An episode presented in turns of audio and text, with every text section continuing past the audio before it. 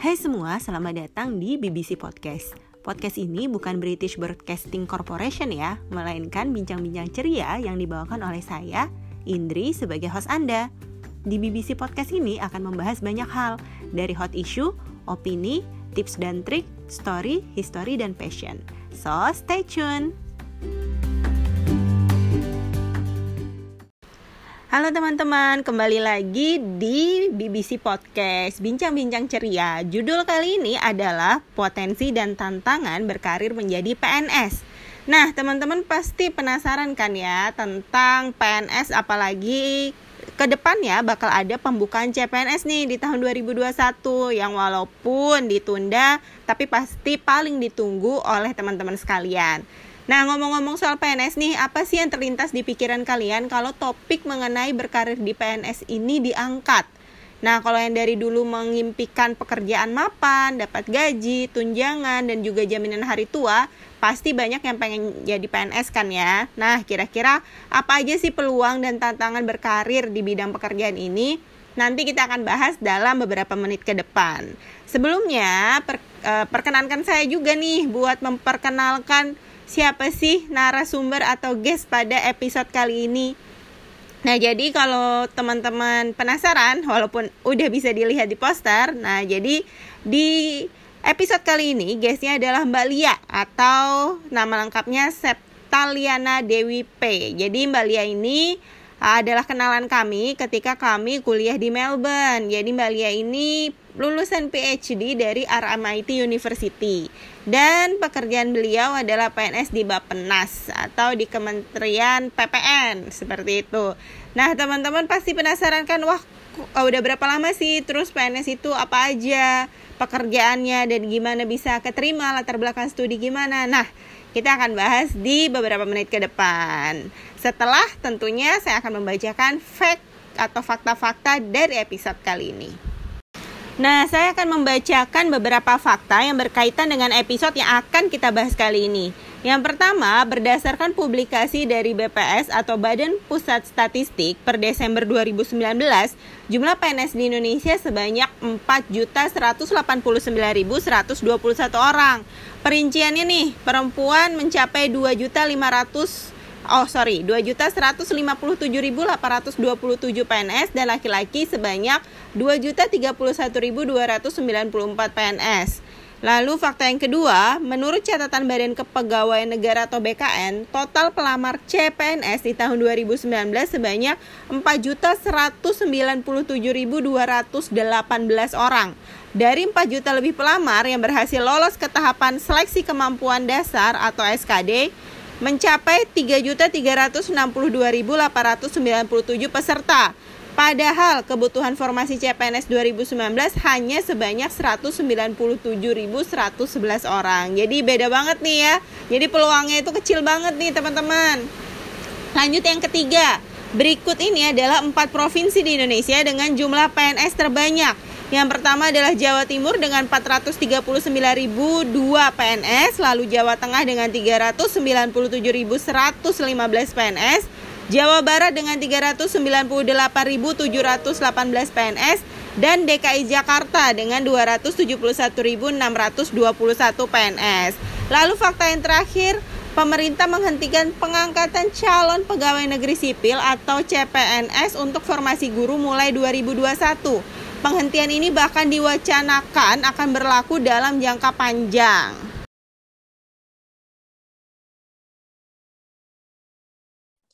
Ya teman-teman, jadi tadi di awal kita udah ngomongin nih tentang apa sih judul pada hari ini.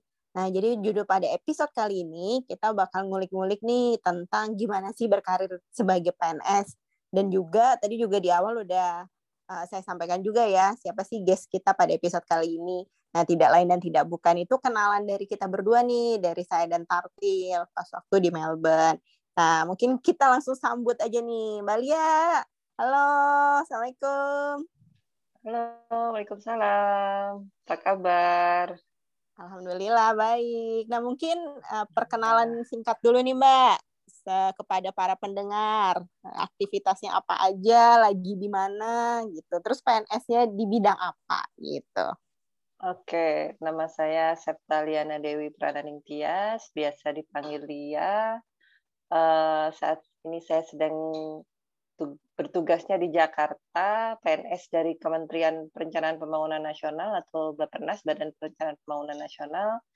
Um, saya di uh, bekerja di bawah Kedeputian Pengembangan Regional uh, di Direktorat Tata Ruang dan Penanganan Bencana.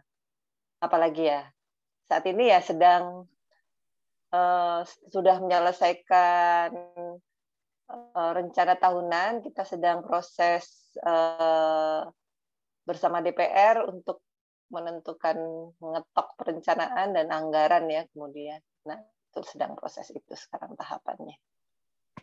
Iya, ini Kementerian diketahui ya kira-kira. Kementerian Pusat ya. Ini Mbak latar belakang studi. Mungkin teman-teman agak penasaran nih. Wah, kok bisa masuk di situ bidang itu, direktorat itu. Nah, latar belakang studinya apa nih?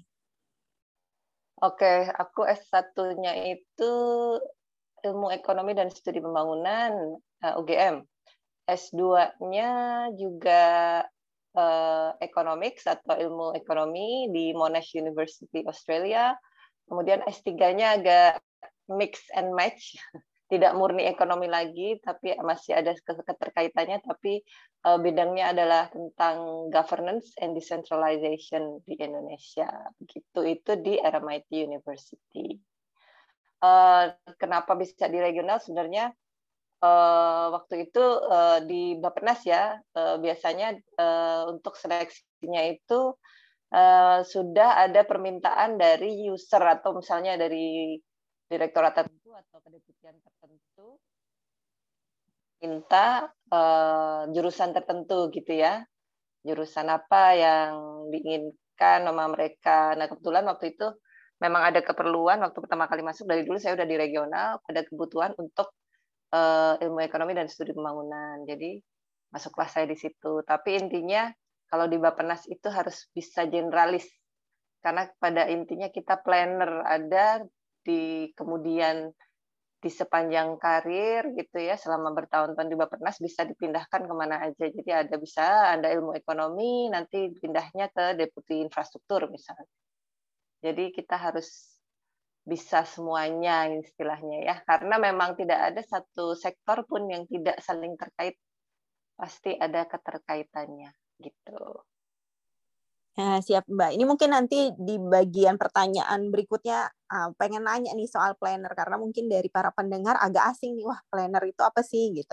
Nah mungkin pertanyaan pertama nih Mbak, udah berapa lama dan dulu kenapa sih memilih sebagai PNS dan kenapa sampai sekarang ini banyak banget orang-orang yang pengen jadi PNS. Nah ada stereotip tertentu atau ada latar belakang tertentu. Nah mungkin bisa diceritakan Mbak. Saya jadi PNS saya lulus tahun 2004, jadi PNS 2005. Jadi sudah 16 tahunan ya. 16 tahun lah kira-kira gitu lebih, mau 17. Um, kenapa saya pilih jadi PNS? Ya ini sebenarnya untuk saya pribadi ya, saya tidak mengatakan bahwa semua orang yang memilih berkarir di, uh, sebagai abdi negara itu memiliki motivasi yang sama dengan saya. Kalau untuk saya pribadi, saya termotivasi bekerja adalah untuk sesuatu yang bukan private sector atau memberikan profit kepada individu tertentu atau entitas tertentu gitu. Tapi saya lebih ada kecondongan gitu karena saya juga belajarnya kan ilmu ekonomi dan studi pembangunan ya development studies. Saya waktu itu ada kecenderungan inginnya lebih ke untuk masyarakat, untuk apa ya, social um, welfare dan sebagainya. Jadi pilihannya waktu itu ada dua. Saya mau ke um, NGO atau lembaga swadaya masyarakat, atau saya ke PNS, atau saya ke lembaga internasional gitu. Cuman ternyata di lembaga internasional pun kalau kita belajar studi pembangunan sebenarnya banyak sekali politik yang menurut saya waktu itu tidak kemudian jadi murni saya bisa bekerja untuk pihak yang saya inginkan gitu jadi itu motivasi saya sebenarnya Kalau Terus masalah kalau banyak melihat banyak yang daftar nih Mbak, gimana ya, tuh? Ya, Jadi sebenarnya ada dua kemungkinan gitu. Ada yang kayak saya gitu ya, awal mulanya. Karena kalau zaman saya dulu itu gaji PNS 600 ribu. Jadi nggak mungkin karena gaji. Iya benar juga. zaman saya 2005 ya. Pertama kali masuk itu kita CPNS kan, belum jadi PNS murni itu kita cuma dapat gaji sedikit sekali satu juta berapa gitu. Uh, udah dengan tunjangan itu ya. Jadi kalau gaji pokoknya itu aduh pokoknya nggak tinggi lah. Jadi um, jadi kalau yang pertama dipikirnya adalah motivasi gaji, kalau saya bisa bilang pertama kali daftar PNS itu harus banget percaya banget kalau rezeki itu sudah diatur sama Allah ya. Jadi insya Allah survive gitu, bisa cukup gitu. Cuman uh, yang pertama itu ya, yang pertama uh, ada yang termotivasi untuk bekerja tidak memikirkan pendapatan, namun ada juga yang berpikir bahwa jadi PNS itu enak gitu. Enaknya apa? Mungkin bukan secara moneter tapi pekerjaannya sedikit nggak bisa dipecat gitu. Jadi kadang ada um, adverse uh, results gitu ya bahwa nantinya setelah dia diterima sebagai PNS dia akan sesukanya tanpa ada ancaman untuk di berhentikan begitu. Jadi nah mungkin itu ya itu dugaan saya tidak tidak pernah melakukan observasi langsung gitu eh, secara banyak sampel tapi dugaan saya ada motivasi seperti itu. Tapi ada juga motivasi yang memang dia merasa lebih cocok di bidang itu. Kalau bekerja itulah kalau menurut saya ya. Eh, selain ya yang dapat peluangnya itu apa tapi kita harus juga cocok dengan final goal dari pekerjaan yang kita lakukan. Siap, Mbak. Kalau orang tua saya dua-duanya PNS nih, Mbak. Kalau kata mereka biar dapat dana pensiun. Karena kan PNS bisa dapat dana pensiun nih, Mbak, ditanggung. Nah, kebetulan ayah saya juga PNS. Ayah saya udah almarhum, ibu saya janda PNS. Pensiunnya nggak seberapa, Mbak. Jadi nggak mungkin motivasinya iya juga. benar benar benar kata ayah saya udah paling mentok udah paling bener. mentok gitu pangkat golongannya ya golongannya ya, itu udah paling mentok gitu ya segitu bener. aja jadi kalau saya sih ya mungkin zaman dulu mungkin zaman dulu mikirnya juga itu tapi kalau saya sekarang di kondisi ekonomi seperti sekarang dan mengharapkan pensiun itu bisa cukup gitu nggak mungkin ini rata ya maksudnya skema pensiun kita belum sempurna menurut saya juga ya. Namun ya itu eh, saya waktu daftar sudah sudah menyadari akan hal itu gitu dalam artian saya sadar bahwa gajinya kecil, saya sadar bahwa eh, pensiunnya juga tidak besar gitu ya. Orang dipotongnya per bulan juga tidak terlalu besar, tapi intinya eh, kalau saya orang ekonomi saya tahu hitung-hitungan gitu. Jadi uh, harusnya kita kalau memang mau memikirkan kesejahteraan pensiun tentunya ada harga pokok yang harus kita kumpulkan juga lumayan gitu. Jadi nggak mungkin skemanya seperti itu. Wah menarik nih mbak. Ternyata ada hitung-hitungannya ya. Kirain emang default kayak gitu tapi ya benar juga. Itu kita bisa bahas berikutnya mungkin. Nah mungkin lebih ke selanjutnya lebih ke lesson learn nih mbak selama 16 tahun apa aja sih peluang dan apa saja tantangan. Pastikan banyak banget uh, ups and downs atau mungkin ada masa masa-masa semangat, masa-masa tidak semangat. Nah, mungkin untuk yang pengen banget nih daftar di tahun ini, nah mungkin bisa dijadikan insight, Mbak. Um, tahun ini ya, sekarang kondisinya udah COVID soalnya. Jadi kalau saya ya, waktu itu, kalau saya waktu itu itu merasanya bekerja di pemerintahan itu pertama kali masuk ya. Saya merasa euforian saya sekali uh, banget itu adalah bahwa saya melakukan pekerjaan yang impactnya istilahnya impactnya itu mewakili Indonesia ke dunia internasional gitu waktu itu. Waktu itu saya uh, pertama kali bekerja itu mengerjakan uh, National Strategy of Poverty Reduction di Indonesia. Jadi waktu itu kita kebetulan beberapa lembaga internasional yang uh, istilahnya karena waktu itu ada MDGs gitu ya belum SDGs ya masih Millennium Development Goals waktu itu um, kita dituntut ada strategi penanggulangan kemiskinan di Indonesia. Nah, saya waktu itu membantu menyusun pertama kali saya masuk. Um, saya waktu dokumennya jadi itu puas kepuasannya itu tidak bisa dimoneterkan gitu buat saya buat saya ya uh, bahwa itu kemudian dipresent secara internasional mewakili ini dokumennya Indonesia dan saya berkontribusi berkontribusi di sana itu uh, sebuah uh, reward yang besar buat saya waktu itu itu yang pertama kita bisa sekecil apa pun kontribusi kita, saya merasa kalau kita bekerja di pemerintahan, kita ada andil dalam uh, melakukan kebaikan.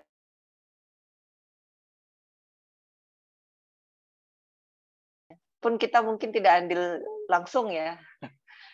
Namun memang dalam semua pengambilan keputusan, nggak cuma di Indonesia, di semua negara di mana pun ya, pasti akan ada uh, trade off gitu pasti akan ada kemungkinan bahwa kebijakan itu tidak akan berjalan seperti yang kita bayangkan.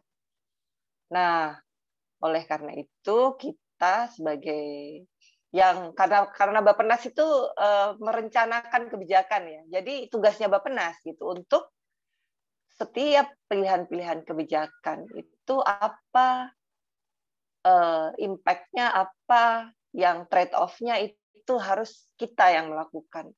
Apakah pendanaannya uh, mampu kita kita lakukan gitu, misalnya sampai ke anggarannya dan visible berapa tahun dan sebagainya. Makanya uh, khususnya kenapa saya memilih Bapenas gitu ya waktu itu karena saya uh, merasa bahwa saya bisa memberi kontribusi sebelum kebijakan ini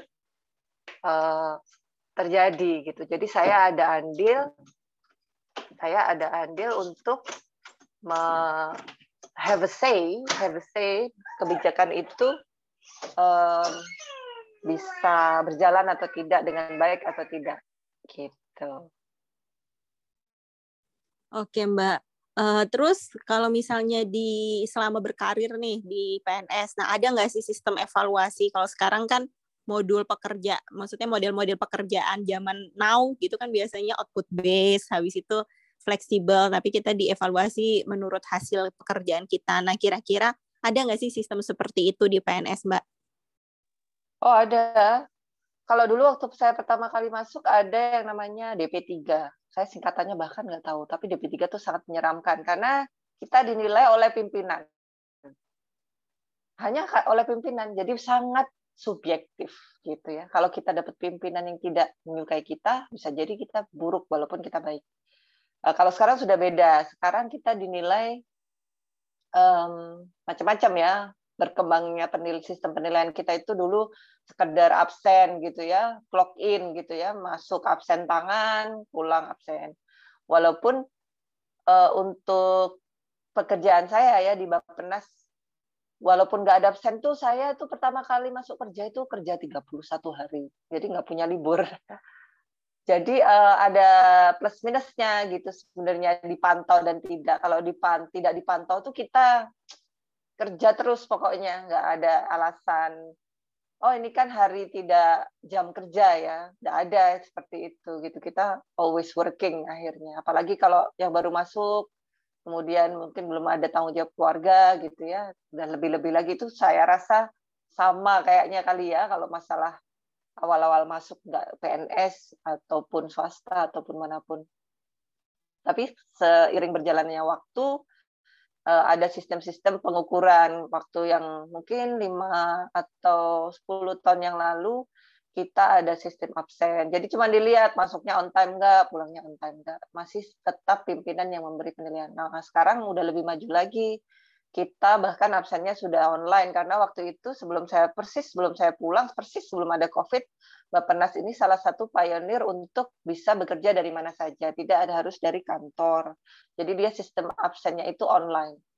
Clock in, clock out, eh, pekerjaan di list waktu kita clock in kita mau melakukan apa aja waktu kita mau clock out kita mengatakan kita sudah menyelesaikan tugas apa saja jadi penilaian pun sekarang udah dari situ nanti kita upload dokumen-dokumen misalnya itu dokumen outputnya atau rapat atau koordinasi gitu ya kita udah semuanya online sekarang. Jadi walaupun tetap ada penilaian dari uh, pimpinan dalam kualitas pekerjaan. Jadi yang kita upload, yang kita selesaikan, pimpinan yang akan kemudian menilai positif atau negatif misalnya gitu.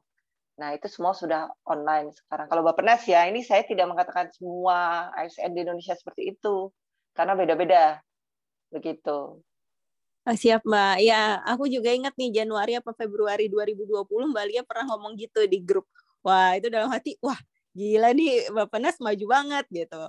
Terus ya jadi kepikiran itu. Nah, aku pun di kantor sama online udah setahun juga nih WFH terus juga sama setiap pagi task habis itu di akhir juga uh, outputnya apa dan juga sama akhirnya ya jam kerjanya jadi karena fleksibel tuh jadi bisa kapan aja dan artinya juga nah, betul bukan, itu payah itu memang iya bisa sampai jam 12 malam jam satu gitu. iya jadi ada ada downside-nya juga ada upside-nya juga misalnya memang um, kalau di kantor gitu ya kita masuk absen tangan gitu ya uh, pekerjaan pun kita mau masuk jam 7 pagi nih. Pekerjaan pun belum datang sampai jam 8 atau jam 9. Nah, kita melakukan yang lain, kadang kita memang karena pekerjaan itu di mana aja ya, nggak cuma di negeri di swasta pun menurut saya ada wave-nya gitu. Kalau Bapenas misalnya bulan-bulan November, Oktober, November, Januari, Februari itu nggak tidur lah gitu buat benar. Kalau kita waktu itu bukan online kerjanya, kita nggak pulang gitu. Kita di kantor uh, mengerjakan dokumen-dokumen perencanaan itu. Tapi uh, saat kita uh, cool down, cooling down gitu biasanya Juni ini udah mulai kalau udah fix semua Juli kita sudah mulai kegiatan kita yang ke kajian, yang lebih ke kita tahun depan harus ada terobosan apa dalam pembangunan dan sebagainya. Itu lebih santai dan pekerjaannya tidak serta merta bisa ya sama aja sih kalau sibuk juga nggak bisa diukur ya waktunya nggak ada jam kerja gitu jadi sejauh ini sih ada plus minusnya lah itu ya untuk dari sisi beban pekerjaan ke pegawai. Siap, Mbak. Nah, ini mungkin sebelum pertanyaan terakhir ada satu pertanyaan tentang clean governance gitu, Mbak. Nah, ini kan banyak nih kajiannya dari dulu di Indonesia ada reformasi birokrasi, pemerintahan yang bersih, itu seperti apa gitu, Mbak. Nah, kalau misalnya dari kacamata Mbak Lia sebagai orang yang ada di dalam sistem, nah itu sejauh ini apakah ada perubahan-perubahan yang transformatif lah istilahnya gitu Mbak. Kalau ada perubahan tentunya pasti ada ya, maksudnya uh, tentunya ada gitu. Cuman uh, konsep dari reformasi birokrasi atau konsep tentang clean governance itu sendiri sebenarnya masih debatable menurut saya. Kebetulan tesis saya memang tentang governance ya. Uh, ada istilah clean, ada istilah good dalam governance itu saja sepertinya masih sangat debatable apalagi Eh, istilah-istilah itu sebenarnya banyak digunakan oleh international donor organizations untuk jualan jasanya. Jadi eh, untuk negara berkembang seperti kita, kita harus pintar-pintar manfaatkan bantuan gitu ya. Apalagi kalau dari lembaga internasional yang there is no such thing as a free lunch. Jadi pasti ada ada timbal balik dari kita untuk mereka juga. Jadi kalau menurut saya perubahan pasti ada yang saya ceritakan tadi yang kecil-kecil kita rasakan saja absen, kemudian sekarang ada sampai kita bisa work from anywhere gitu ya. Kalau istilahnya Pak Menteri PPN Pak uh, Suarso uh, workation gitu. Jadi kita mau di luar negeri lagi ditugaskan, kalau ada penugasan di sini kita harus mengerjakan tetap aja gitu. Kalau dulu kan enggak, kita udah diberi tugas belajar, misalnya ada anak mau sekolah S2, S3, udah nggak bisa disuruh kerja lagi. Nah ini kondisi sekarang ini entah-entah nih nanti ini sekarang sih belum ada yang sekolah karena COVID ya, tapi entah-entah nih jangan-jangan masih bisa disuruh ngerjain RKP sambil sekolah gitu kan. Jadi tentu perubahan itu ada dan ke arah lebih baik tentu saja. Namun secara konsep gitu kalau kita yang harus kita sadari kebanyakan Eh, konsep dari reformasi birokrasi atau governance reformation itu dari uh, corporate governance yang kita harus sadari. Kita adalah lembaga birokrasi gitu. Jadi harus menyesuaikan juga setelah itu yang pertama. Yang kedua bahwa satu lembaga pemerintah itu berbeda dengan yang lainnya Bapenas dibandingkan pekerjaannya dengan Kementerian Dalam Negeri sangat jauh berbeda. Bapenas dibandingkan dengan Kementerian Sosial sangat berbeda. Kita tidak bisa melakukan reformasi birokrasi menggunakan satu ukuran. Itu yang harus menurut saya harus diperbaiki karena nature dari pekerjaan kita itu berbeda. Ada yang pelayanan langsung, ada yang tidak. Bapenas sendiri sangat minim pelayanan langsungnya kepada masyarakat ya karena kita di tataran perencanaan pembangunan nasional lagi gitu. Jadi eh, kebanyakan kita melayani lembaga pemerintah gitu, Bapeda, Bap, eh, kementerian lembaga dan sebagainya. Jadi eh, itu sih yang saya garis bawahi bahwa jangan kita berhenti mengkritisi konsep gitu kalau dalam walaupun kita di pemerintahan kita harus tetap kritis terhadap konsep-konsep yang dilemparkan untuk merubah sistem yang udah ada di Indonesia. Kalau kita mau maju, kita harus mau mengkritik yang sudah ada. Jangan mau ada di comfort zone. Itu aja sih. Wah, ini masalah indikator ini sangat relate ya. Uh, kemarin ini aku habis meeting European Commission Project tentang clean energy transition. Jadi tipping point-nya bagaimana. Terus itu kita diskus lama gitu Mbak tentang indikatornya apa untuk melihat narasi ini sedang menuju transformatif nara, uh, naratif gitu. Nah, ini berarti memang tepat banget kalau misalnya apalagi kalau kita ngomongin nasional dan lokal gitu. Baratnya kayak di tempat nenekku di Sulawesi Barat gitu. Wah, itu kalau ngomongin PNS di sana ngerti nggak soal internet, ngerti nggak soal online, nah itu bakal beda lagi gitu. Jadi emang bener sih nah, harus iya. ada ini beda. Mm -mm. Jadi reformasi birokrasi di pusat mungkin udah lebih maju, tapi bukan berarti di daerah juga nggak ada yang maju ya, karena aku sendiri kan kerja di uh, lebih banyak sama daerah gitu. Tapi yang yang perlu digarisbawahi itu tuh kita tidak boleh menyeragamkan gitu menurut saya ya, bahwa kita menentukan standar yang udah di atas banget, kemudian judging bahwa yang di bawah standar itu pasti buruk. Itu buruknya indikator menurutku ya penetapan. Misalnya World Bank menetapkan orang di bawah satu dolar hidupnya itu miskin. Itu nggak bisa ditetapkan di dunia seperti itu. Nggak bisa seperti itu. Kalau gitu orang di Indonesia miskin semua. Lah orang dolar berapa satu harinya makan gitu kan? Jadi eh, kita harus mampu atau harus terus berusaha untuk mencari indikator atau Eh, pengukuran yang tepat gitu. Jangan sampai karena kalau reformasi birokrasi itu udah mulai judging dan menilai gitu kan. Oh, um, kementerian ini atau daerah ini itu reforma reformasinya belum bagus. Apa? Kenapa bisa dibilang belum bagus? Tidak bisa seperti itu langsung.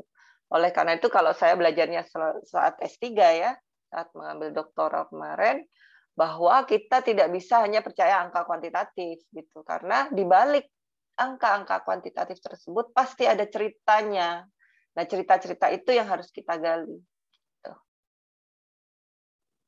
Wah, mantep banget, Mbak. Nah, ini sangat relate banget. ya benar, World Bank satu dolar, wah kita miskin semua. Ini sama kayak kemarin aku ada project manajemen dibilang, wah ini di Indonesia kok begini uh, working hours-nya dan uh, maksudnya pem, uh, pembayaran atau gajinya gitu. Sedangkan di standar mereka sih gitu. Berarti kan indikatornya jelas harus dibedakan setiap negara.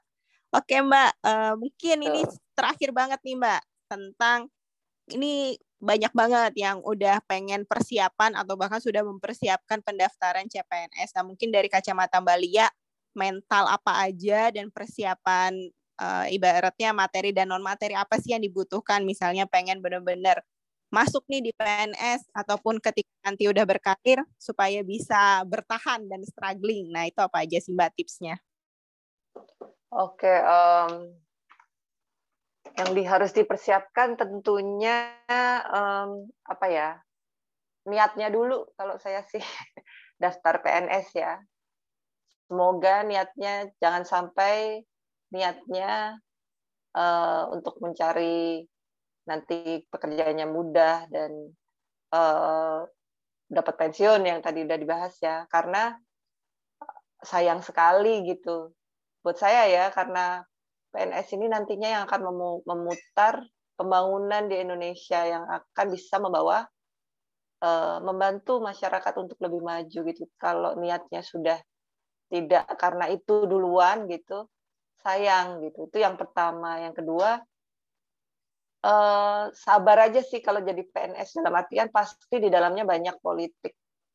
Yang buat saya yang udah 16 tahun itu saya harus belajar untuk mendefinisikan sukses dengan cara yang berbeda. Jangan mendefinisikan sukses berkarir itu sebagai naik jabatan, sebagai uh, naik golongan, sebagai memiliki power gitu ya. Tapi ya mungkin ini nasihat nggak untuk PNS saja, tapi Anda harus bisa mendefinisikan sukses sebagai kontribusi gitu ya, bahwa bekerja di PNS ini kontribusi terbesar Anda itu sebaik mungkin, karena pada intinya kita bekerja untuk memberikan kebaikan untuk uh, yang membayar kita, yang membayar kita siapa? Rakyat yang membayar kita. Jadi uh, nggak anu lah uh, naif kalau saya bilang bahwa kita nggak butuh uang kita nggak butuh gaji ya tetap butuh. Dan reformasi birokrasi yang tadi saya bilang itu adalah salah satunya untuk biar PNS ini lebih baik um, penghidupannya gitu ya. Namun harus siap gitu kalau jadi PNS karena kita mau sebaik apa pasti akan dikritik dan disalahkan. Itu sudah sesuatu yang wajar gitu tapi kita harus menerima kritik-kritik itu dari masyarakat maupun dari atasan atau dari kementerian lain atau dari pihak network kita sebagai sesuatu yang akan membuat kita lebih baik lagi. Terus yang terakhir, eh, kalau jadi PNS biar bisa bertahan itu eh, mungkin lebih legowo aja gitu. Dalam artian harus selalu diingat ya bahwa uh, rezeki jodoh maut itu sudah diatur sama Allah bahwa nanti kita di PNS berkarirnya gimana itu sudah ditetapkan gitu ya oleh Allah.